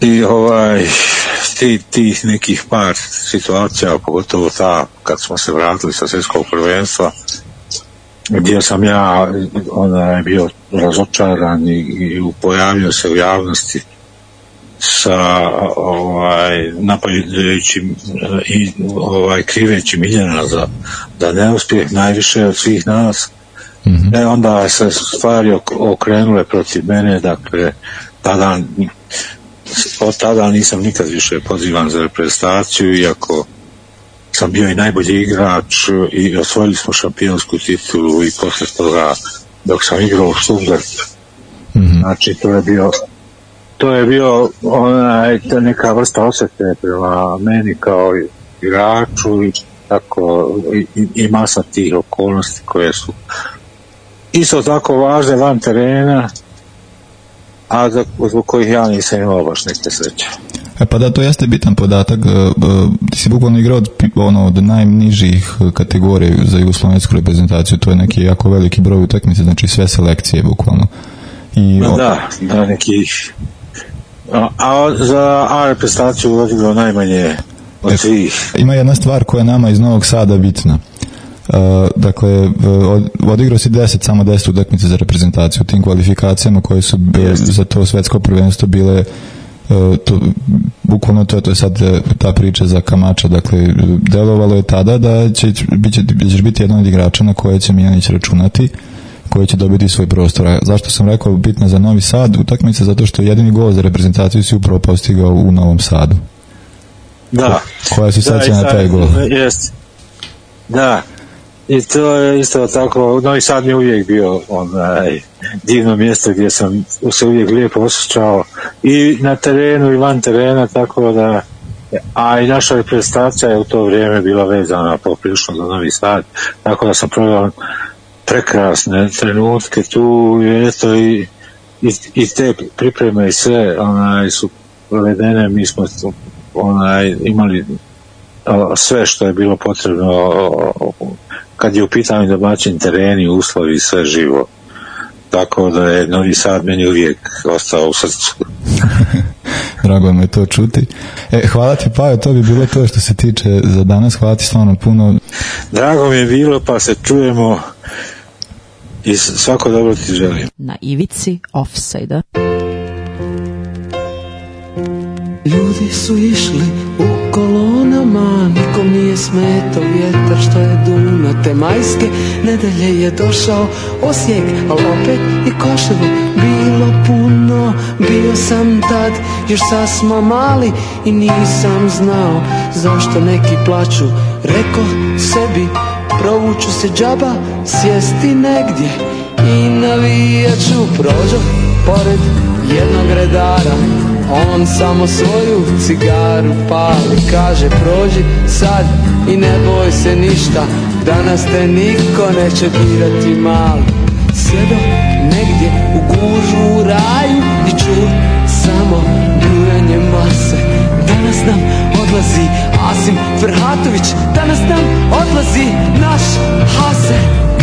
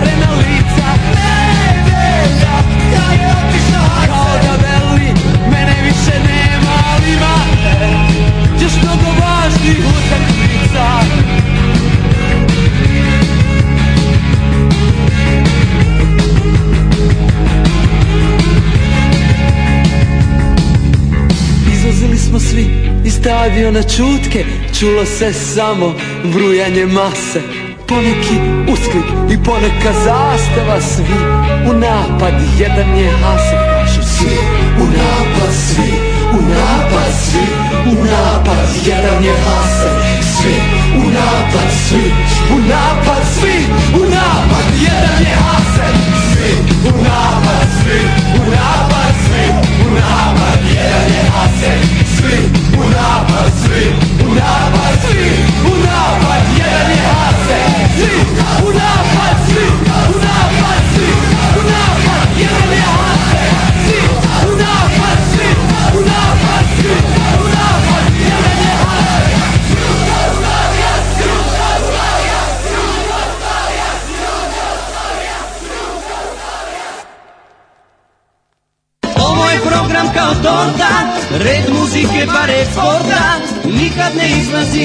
iz mode vreme sporta. I razonode, razonode.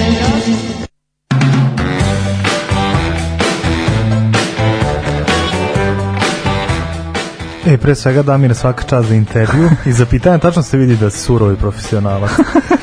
Pa vidi dobro, da, ima ovdje dosta. E, mi smo sa, e, dobro, da, da, dobro, ja sam pričao sa Pajom, ali sve naravno radimo Stefan i ja zajedno.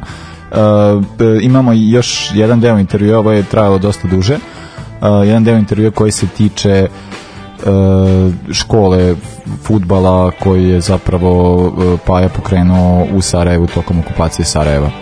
Uh, to su mi htjeli da, mislim, nama je bio ideja za sagovornika dosta i ranije, uh, sad su se poklopile stvari da smo tako kao mogli da ga iskoristimo za ovo i pričali smo sa njim i o tome, tako da ćemo to jednom prilikom kada budemo baš obrađivali uh, tu temu, ima, imamo taj deo razgovora, ali kao što smo rekli sa Pavom je dogovor i da jednom odradimo lepo da sednemo, ovo je sve sa njegove ono, putem Vibera, s njegove vikendice Jahvarin i on Jah- Jahvarin i ja sam na Rotkvari i, mi nas dvojice pričamo tako da je ovaj ali sljedeći put sljedeći put će biti uživo tako da se tome vi, ono prilično radujem. Pa ja sam za to da mi odradimo jednu SFRJ turneju, pa da. Pa da onda- obiđemo, da obiđemo razne futbalske veličine iz bivše Jugoslavije. Naravno, to je, ko, mislim, do, dosta zavisi od vas koji Dosta zavisi od. Patreon, to je dosta, za- zanimljivo. eto, možemo da, sad odmah ubaciti taj moment, ako ljudi, ono kao, ako vam se sviđa ovo da pričamo, tako se neki, ako ho, baš hoćete da bude onako hoh, onda... Da mu ovaj, odemo molim na noge, možda odemo neki na video da noge, snimimo. onda molim vas, ovaj, imate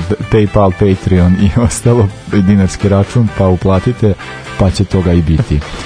A, da, tebi samo da kažem za pesmu, pustili smo pesmu nedjelja kad je otišao Hase od Hušenja. A, a, zašto smo pustili ovu pesmu? Dobro, zato što kao nemamo baš mnogo pesama, dobro, pa je legendar Sarajeva. Ja njemu nisam rekao, ali saznaće uskoro, dakle, da, da, ovaj, da, za, za koga ja u Sarajevu navijam. ali e, ima jedna zanimljiva priča da je naravno ono kao da on kad je krenuo, kretao u Sarajevo je bio jako kao što smo već i čuli dakle u ma, ma, mladim selekcijama Jugoslavije već je bio jako ono igrao je sve bukvalno tad nisu bili pioniri ali bukvalno tih kategorija od 12. godine kao što je rekao je igrao ima neki nenormalan broj utakmice za mlađe selekcije da je bukvalno svaku je selekciju prošao to su u stotinama brojevi utakmica a ovaj e, ali bila ta ista varijanta kao on je bio tako kao ono mršav e, ne znam bio odličan sa loptom brzina ono tehnika briljantna ali kao nije imao ne znam tu sad kao masu da je njemu dolazio pošto kao Sarajevo tada kao dolazio mu je Hase i kao Hase naravno ono prva, prva legenda najveća Sarajeva da je tako kao dolazio i pe- kao govorio kao aj ti, aj ti, Aj mali, aj ti, aj ti mali ko mene ćevape i ovaj, tako da da to je da ovaj, kao jedi ti to sve tvoje što imaš ali dođi ti kod mene Tako da, to je bila ideja zašto je ova pesma i puštena. Ovo je jedna pesma koja nije objavljena 82 a, u našem današnjem bloku. Imat ćemo još jednu kasnije. Nego da dođe sam mi do ikone. E, naša ikona za večeras je čovek koji je trebalo da bude zlatna lopta ovog prvenstva Da, da. Pa dobro da, da, da, je, da su neki rezultati Dobro, da, bili, da, bili da, da, drugačiji, da, bio da. bi definitivno da, a u pitanju je Artur Antunio Coimbra, poznatiji kao Ziko. Čovjek kojem smo dosta puta pričali, naravno iz opravdanih razloga, pod ono ikona 80-ih, pogotovo što mi idealizujemo poziciju na kojoj je on igrao, naravno a prvi put, to jest evo sad, sada je dočekao da bude svečano kanonizovan od strane nas dvojice. Tako je. Uh, reći ćemo samo da je, uh, on je rođen uh, u Rio de Janeiro uh, 3. marta uh, 53. Neki od ljudi znaju ko je još rođen 3. marta, 12 godina kasnije do duše, ali još jedna desetka koja je na, jedna od najvećih koje znamo, je rođena takođe 10. marta. Tre, trećeg marta. 3. marta, da, da, na 3. marta, da, naravno pričamo o Pixiju, tako da, ovaj, uh, on, mislim, čovek koji je bio jedan od, uh, pa ne znam, to je bilo ono kao, to je taj jedan nadimaka kao Beli Pele, ovaj, da, to što kao, da, mislim, Pele, Da, e, jedan tih rasističkih, da, sve kao, ali dobro, kao, zna, znate, znate nas, Dobro, znate kakvi smo, da, ne, ne mi smo takvi, a i duh vremena je bio da, tako da, ali stvarno, uh, Ziko je jedan od najvećih, uh, stvarno, stvarno, jedan od najvećih futbolera koje je Brazil ikada dao i ostaje ta jako velika žal, zato što kao sa brazilskom reprezentacijom nije uspeo da dođe do tog, do tih trofeja do kojih je Pele dolazio ali je zapravo njegova mislim ono šta, šta on znači uh, šta on znači za klubove za koje je igrao šta on znači za, za reprezentaciju Ziko je stvarno jedan, jedan od, uh, od najvećih. Uh, ono što možemo reći dakle da on je svoju karijeru počeo uh, upravo dakle kao rekao iz Rija je tako da je karijeru počeo u, u Flamengu u mlađim kategorijama i to prilično ono neke tamo 14. Po 14. godine što je za te godine, da. godine do, dosta dosta Što je možda već i kasno u brazilskim uslovima, ali Pa da, sada se te 14 godine, godišnjaci pa, već potpisuju za 14 Real i Barsu. Pa 14 godina sada je to je druga druga priča, ali kao za to vreme jeste kao da ovaj da da kako mislim da igrati u, kao u tom nekim mlađim kategorijama od 14. godine već znači da si e, da si nešto. Prva prva sezona za Flamengo je se, e, 71. dakle kada je već e, imao 18 godina i on ostaje ono stvarno što se tiče svog igranja za Flamengo, to je onaj period je Flamenga dugački pričali smo o toj generaciji, to je baš pred njegov odlazak iz Flamenga, jer to je bila 82. treća generacija koja je igrala f- finale e, svetskog klubskog šampionata sa, protiv Liverpoola, generacija koja je osvojila Copa Libertadores.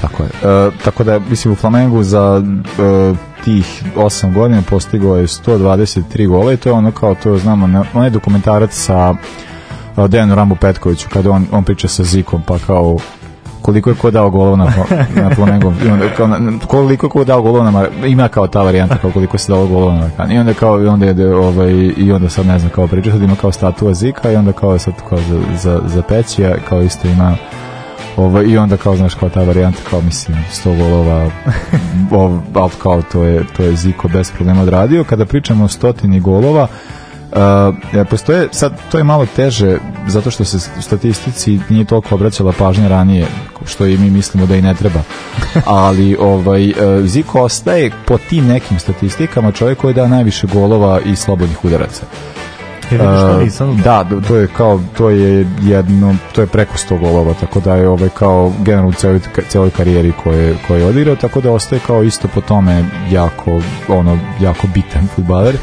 Uh, na mi kad pričamo o slobodnim udaricama pričamo o nekim drugim igračima koji su kao najveći mi imamo jednog takođe dakle Mihajlovića Da. ali kao ne pričamo o Žuninju pričamo Da, imaju, oni imaju žuninja ipak. ali da, Ženju prema Bukanu je naravno ostaje kao, kao majstor slobodnih udaraca, dakle kao, ali da, kao i ranije je to, to e, i to je jedna stvari koja dosta nedostaje u savremenom futbalu, golovi, mislim to postoji još postoji tamo neki Bale koji će dati gol iz slobodnjaka i onda izaći posle 60 minuta, zato što ne može više da trči, ali, znaš, e, e, uvek je dobro kad postoje ti ljudi, daj tu loptu ljudi. E, dakle, 83. e, Ziko prelazi u Udineze, odlazi u seriju A. Da, odlazi u seriju A dve uspešne sezone, opet sa statističke strane, uh, a postoji jedna priča, jel baš koja se vezuje za taj neki period i za Ivitu Šurjaka koji je takođe bio 80 futbaler Udineze, ja sam imao prilike da pričam sa jednom jačom Udineze koji je rekao Ziko je Ziko,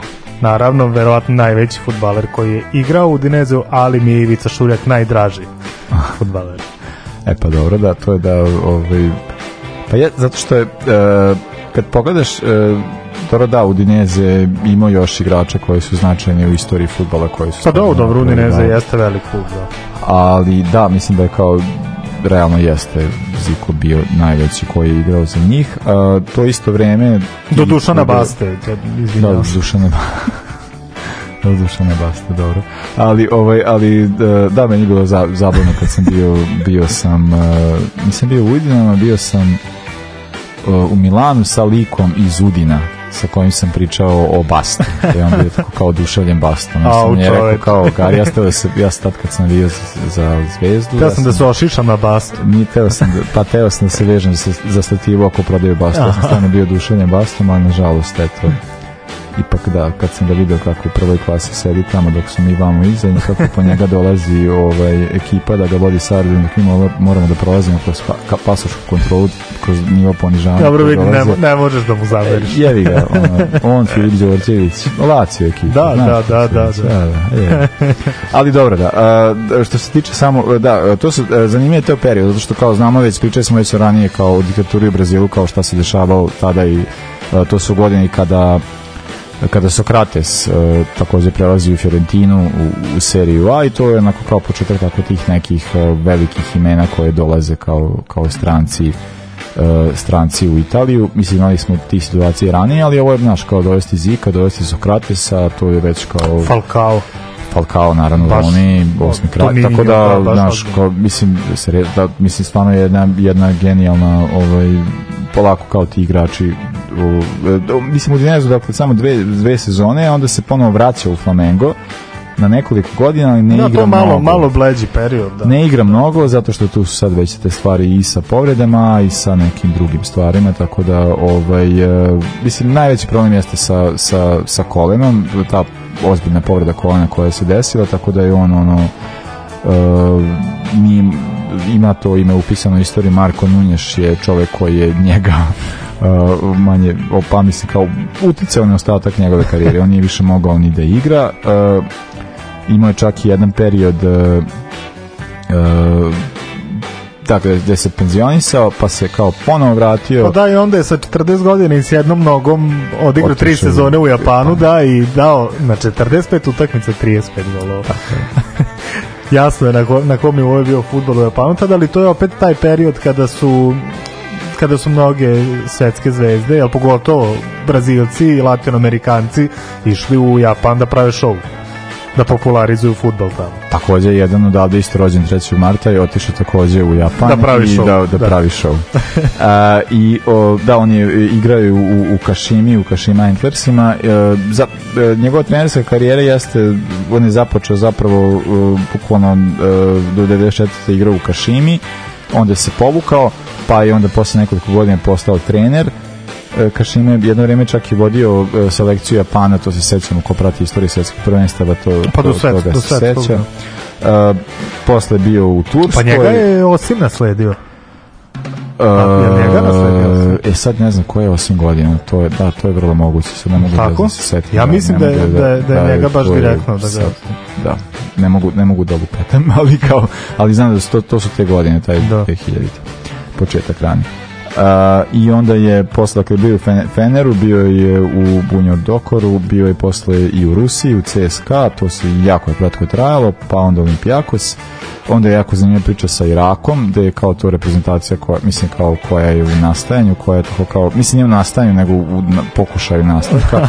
I Pižon je pričao o tim stvarima, pošto je Pižon e, isto bio selektor, selektor Iraka, a, da je to kao koliko ljudi zapravo žive za futbal, a, ali opet kao postoji ta, taj problem sa disciplinom da bi se ostvario nekakvi rezultati. E, I da bi na kraju 2018. godine, dakle bilo je to još, ne znam, Algarafa, Goa, kao još neki, nekoliko sezona, da bi na kraju 2018. ponovo u Kašimi i rad na poziciji tehničkog direktora. Da. I to je ono kao čime se, mislim, čime se dan danas... Ja ne smemo zaboraviti onaj njegov beach soccer period. E da, da, da, da, da. Da, opet, kao što je otišao u Japan da popularizuje futbol, tako je i nastupao za reprezentaciju i popularizovao generalno beach soccer kao sport. Ali, jel znamo da je i Cantona igrao i mnogi italijanski futboleri, opet, da ne pričamo o Brazilcima, no, mnogi Brazilci su nakon reprezentativne karijere, to jest nakon futbalske karijere, e, nastavljali da igraju beach soccer. I to je bio naš, da li je on osvojio sa, da, ja mislim da je osvojio sa Brazilom i, i, i Svetskoj. Mislim, bio je najbolji E, Osvojio igrač. je, da, da, da, svetskog 90-ih je igrao to, kad je bio taj prekid kao sa prekidom karijere, nastavak karijere kao to, Da. 95. i 96. je osvojio, osvojio sa Brazilom eh, svetsko prvenstvo u beach socceru. beach socceru. Što je što se mene tiče, ljudi da se razume, to je najbolji Ja pokušavam ovu ekipu sad vamo, pošto me stalno povređuje, ja više i ne idem bukvalno ono kao kada i kada i razmi ne više ni vremena, ali kada i razmišljam o tome je kao da dolazi šareni, ono kao dolazi neko da me slomi. Ovaj, tako da ovaj da više kao t- t- t- da, Meni je da, iskreno da. žao što nisam prisustvovao. Mislim, ne da se naslađujem, nego da napadnem šarenog. A jeste, da, da. prošlo bi gore nego ti. Pa nije on će ispasti kao da se da, kao, pošto ja i sad kad sam pričao s njim ispao da je moja greška, što je ne, Pa moja, vidi, ti se moja lopta je ti se bila. raspravlja sa čovekom 2 sa 2 Pa i tvrdiš dva, da nije kao, tvoja greška. Pa, znam da nije, jebi ga, da. Pa, pa dobro, meni možda, da. A, e sad, e, sad što se e, da tiče Zika, dakle pomenuli smo ta prvenstva, dakle on je na prvenstvu 78. zapravo je tu i najveći rezultat sa brazilskom reprezentacijom koji je bio treće mesto. To je zapravo nažalost e, najveći rezultati, to je to je najveći rezultat sa brazilskom reprezentacijom, ali da ima još nekoliko e, nekoliko stvarno e, pa ne znam, kad pogledaš kao i idealni timovi prvenstva Pa i koliko puta je bio najbolji e, igrač kontinenta. tako da imao je gomilu tako nekih e, zaista važnih e, zaista važnih titula Osta- ostaje kao što je bitno za e, mislim možemo time i završiti priču o Ziku dakle on je najbolji strelac u istoriji e, Flamenga e, Zamisli klub, kluba po koliko je to kojem, velika stvar. Flamengo koji je imao takve igrače. kluba po kojem se moj bicikl zove jer je crno-crveni a, A što ovaj- se ne zove, na primjer, Asocijacione Calcio Milano? Ne, ne Ne, Bože, zato što je dugačko, dobro. Da. Bože prosti. A ovaj postigao je 508 golova za Flamengo, a ono što ostaje ostaje upisan u istoriji e, Marakane stadion stvar o kojoj smo pričali ranije, dakle postigao je ne, nevrovatan broj golova, dakle kao on je već postigao 100 golova za, za Flamengo, ali kao i kažem igrao je i za Brazil, igrao je neke druge utakmice, igrao je brzo postigao 333 gola za Flamengo. čoveč. E, na stadionu Marakana. Znači to je kao to je jedan od Ali- podataka koji ono Ali da pa, se naježi. pazi ovaj rekord. Uh, makar što se tiče Flamenga, je najbolji strelac u jednoj sezoni, 81 gol. A to je bilo, prvo mi je bilo fascinantno, Ovaj, to je bilo sa Bebetom ili Romarijom, isto ono u Vasco da Gami, ne znam što je dao, Da, da, da, isto da. 70-80 golova i rekao, čovječ, šta je ovo, onda se setiš kako u Brazilu, kako funkcioniše futbol ili kakav je sistem tamo što se, što se tiče futbala i takmičenja, pa onda vidiš da ima, da ima neku smisla, ali 81 gol u sezoni, svaka čast. I na u Japanu, u japanskoj J ligi drži rekord za uh, postizanje golova u 10 utakmica uzastopno, 11 golova u 10 utakmica. Sa ono sa 37-8 godina, svaka čast. ali nije nijednom dao gost 50 metara trča po kiši dizu loptu da bi ga dao, to nije uradio, to moramo reći, ali dobro, mislim kao Pa ne može to baš ni svako. Ne može to ni svako. E, e, dragi ljudi, dolazi, dolazimo do kraja emisije, mislim stvarno na, nama je bilo jako veliko uživanje da možemo da pričamo ovako, planiramo takve stvari da radimo i u buduće, dakle da posvećujemo nekakvim datumima, ko ima nekakve predloge šta da obeležimo, može da nam piše, imate naše podatke, nećemo se sad vraćati na novce, znate da trebaju pa uplatite, a o, e, stvari ko, dakle ovo je ovom emisijom završavamo sezonu 2021 2022 Uh, hteli bismo samo da uh, da vas obavestimo da uskoro krećemo sa Premier Ligu Draft. To će znamo da Premier Liga počinje početkom avgusta Da. tako da ćemo biti na vreme obavešteni ko želi da učestvuje vidjet ćemo kako uh, trenutno prva liga funkcioniše Da, imamo drugu. ideje za drugu, da. imamo i drugu, tako da vidjet ćemo koliko mjesta bude ostalo prazno, napravit ćemo i dru- i drugi rang, tako da ono, bila je velika zabava, tako da možete učestvovati, mislim, u, učestvujte, zabavno je. Pa, meni koji sam, na primjer, bio drugoplasirani u ligi koju ne Tako da. pratim, a, Ja, je bila da, velika da, zabava. da, Da. Kao meni koji jako pratim ligu, a bio sam četvrto plasiran i ovaj, bilo jasno isto tako. Ja ne znam kako je moglo da ti bude zabavno. Pa loš, loš mislim, Ja se onda zapitam, na primjer, šta bi bilo da sam ja igrao fantasy serije Da, A ili, pa ili onda igra Bundesliga. i slobodno ti napravi, niko te ne sprečava. Mi samo Da, kao, nije- ja, samo, ja se bavim, meni je bio loš scouting. loš scouting, prvo je bio Kane za početak sezone, a onda je Ali bio, znaš- znaš je- onda je bio Lukaku, onda je, mislim, bilo je baš dosta, stvarno, stvarno, u stvari, šta, šta je mene spasilo u fantaziju? Šta? Baš upravo praćenjem drugih liga. Kukurela i ne, Da, da, da, da, da, da, da, da. Ima igrači koji su dolazili koji su, da. na, u, u zimskom u zimskom prelazu. Ja, ja imam neke... I čak sam, ja sam neću najviše da, očekivao da će Weghorst da mi donese, jer, pošto on u pa Bundesligi on pravio haos, ali, krenuo je, ekipa u kojoj je igrao je podbacila. Krenuo je, ali Da, da.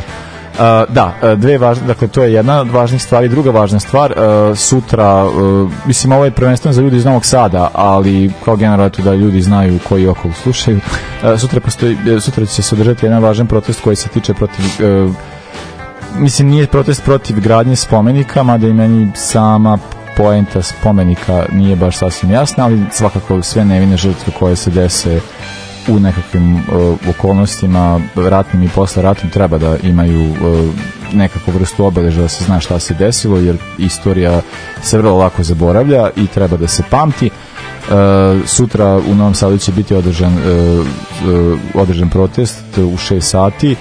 Pričat će ovi sutra o tome, to je sigurno, ali ono, mi smo tamo pa dođite i vi, jako je bitna stvar, tako da ne želimo da dozvolimo da ljudi koji su učestvovali u najtragičnijem događaju u istoriji Novog Sada se nalaze na nekakvom postamentu gde će im se davati nekakva vrsta počasti.